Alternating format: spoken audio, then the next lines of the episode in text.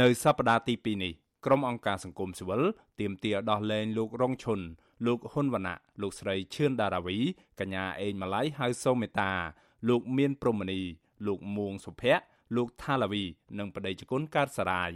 អ្នកទាំង8នាក់នេះត្រូវបានតុលាការចាត់បង្កាន់ពីបទញុះញង់ឲ្យប្រព្រឹត្តបទឧក្រិដ្ឋជាអាតពាក់ព័ន្ធនឹងបញ្ហាព្រំដែននិងសកម្មភាពតវ៉ាដោយអហិង្សា នៅរាជធានីភ្នំពេញ ក្រុមអង្គការសង្គមស៊ីវិលបានបង្ហោះរូបថតរបស់ពួកគេទាំង8នាក់និងសរសេរសារភ្ជាប់នៅលើរូបថតដូចជាមូលហេតុដែលអាជ្ញាធរចាប់ខ្លួនពួកគាត់ចំនួនថ្ងៃដែលពួកគាត់ជាប់ឃុំនិងការភ្ជាប់សំណួរថាឯណាទៅសិទ្ធិបញ្ចេញមតិរបស់លោករងឈុនដែលគ្រាន់តែលើកឡើងពីក្តីបារម្ភរបស់ប្រជាកសិករនៅតាមបណ្ដោយព្រំដែនទាក់ទងទៅនឹងការបាត់បង់ដីស្រែរបស់ពួកគេ នៅពេលបោះបង្គោលព្រំដែន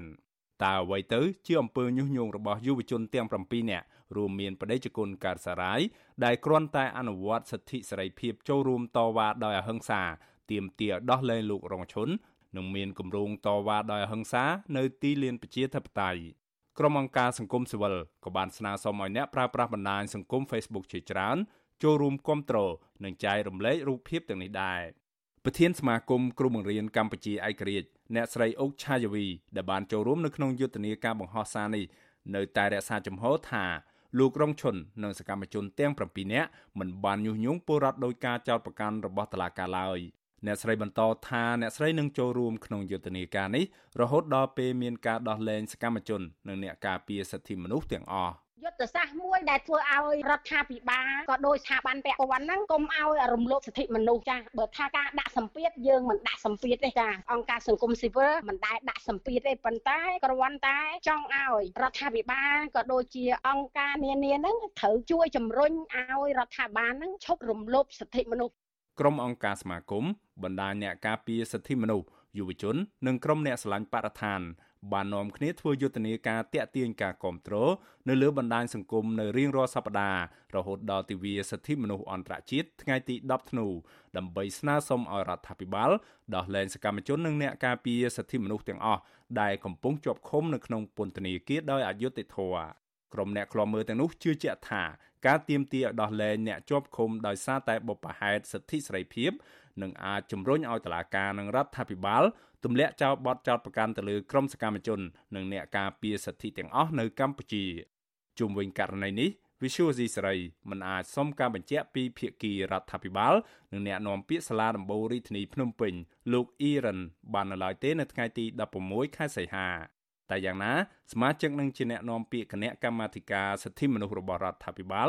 លោកកតាអូនធ្លាប់ប្រាប់វិសុយស៊ីសេរីថាយុទ្ធនាការនេះគឺជាសិទ្ធិរបស់ក្រុមអង្គការសង្គមស៊ីវិលក៏ប៉ុន្តែលោកថានឹងគ្មានប្រសិទ្ធភាពនោះទេព្រោះសំណុំរឿងទាំងនេះកំពុងស្ថិតនៅក្នុងនីតិវិធីរបស់តុលាការ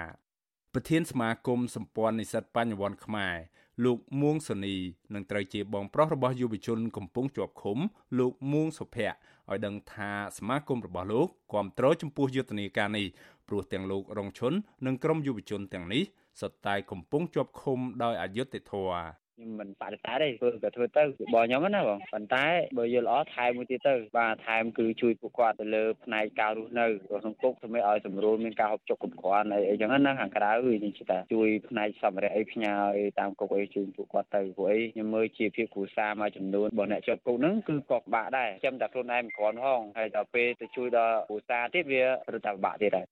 កាលពីសប្តាហ៍មុនក្រុមអង្គការសង្គមស៊ីវិលបានទាមទារដោះលែងសកម្មជនបរិស្ថានកំពុងជាប់ឃុំចំនួន6នាក់ជាមួយគ្នានេះនៅរសៀលថ្ងៃទី16សីហាសាលាឧទ្ធរបានបើកសវនាការលើបណ្ដឹងសុំនៅក្រៅឃុំរបស់សកម្មជនបរិស្ថាន3រូបដែលត្រូវបានចាប់ខ្លួនកាលពីខែមិថុនាក្នុងនោះរួមមានលោកយឹមលៀងហ៊ីយុវជនលីច័ន្ទដារាវុធនិងកញ្ញាសុនរដ្ឋា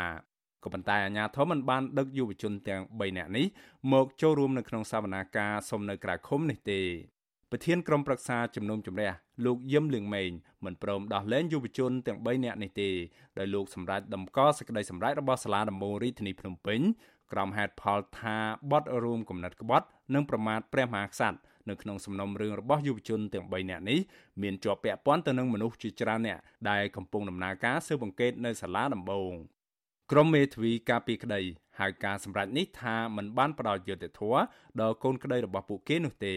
លោកមេធាវីសំសកុងបញ្ជាក់ថាក្រុមមេធាវីនឹងស្នើសុំជួបកូនក្តីនៅក្នុងពន្ធនាគារដើម្បីប្រឹក្សាផ្នែកផ្លូវច្បាប់បន្ថែមទៀតអញ្ចឹងឲ្យក្រុមមេធាវីនឹងជួបជាមួយនឹងកូនក្តីនៅក្នុងពន្ធនាគារដើម្បីពិគ្រោះយោបល់និងផ្ដល់យោបល់ទាក់ទងផ្លូវច្បាប់ហើយនឹងប្រាប់ពួកគាត់អំពីរយៈពេលនៃការបណ្ដឹងសារទុកបើសិនជាកូនក្តីគាត់ពឹងឲ្យកូនក្រុមមេធាវីធ្វើបណ្ដឹងសារទុកគឺក្រុមមេធាវីនឹងធ្វើបណ្ដឹងសារទុកជូនកូនក្តី ចំណែកក្រុមសាច់ញាតិដែលទន្ទឹងរង់ចាំមើលកូនប្រុសកូនស្រីរបស់ពួកគេនៅខាងក្រៅរបងសវនាការវិញក៏សោកស្ដាយចំពោះការសម្រេចសេចក្តីនេះដែរមកទល់ពេលនេះរបបក្រុងភ្នំពេញបានចាប់ខ្លួនសកម្មជននយោបាយសកម្មជនសង្គមសកម្មជនសិទ្ធិមនុស្សនិងសកម្មជនបរិស្ថានសរុបជាង80នាក់ហើយដាក់ពន្ធនាគារដោយសារតែការអនុវត្តសិទ្ធិសេរីភាពជាមូលដ្ឋានរបស់ពួកគេ អង្គការសិទ្ធិមនុស្សជាតិអន្តរជាតិនិងក្រុមអ្នកជំនាញសិទ្ធិមនុស្សរបស់អង្គការសហប្រជាជាតិផងហៅការចាប់ខ្លួនទាំងនេះថាជាសកម្មភាពបង្ក្រាបលើសម្លេងរិះគន់នៅកម្ពុជាពួកគេទាមទារឲ្យរដ្ឋាភិបាលដោះលែងសកម្មជនទាំងអស់ដោយគ្មានលក្ខខណ្ឌនិងបញ្ឈប់អំពើរំលោភសិទ្ធិមនុស្សនៅកម្ពុជាតទៅទៀតខ្ញុំបាទមេរិត Visual C ស្រីរាយការណ៍ពីរដ្ឋធានី Washington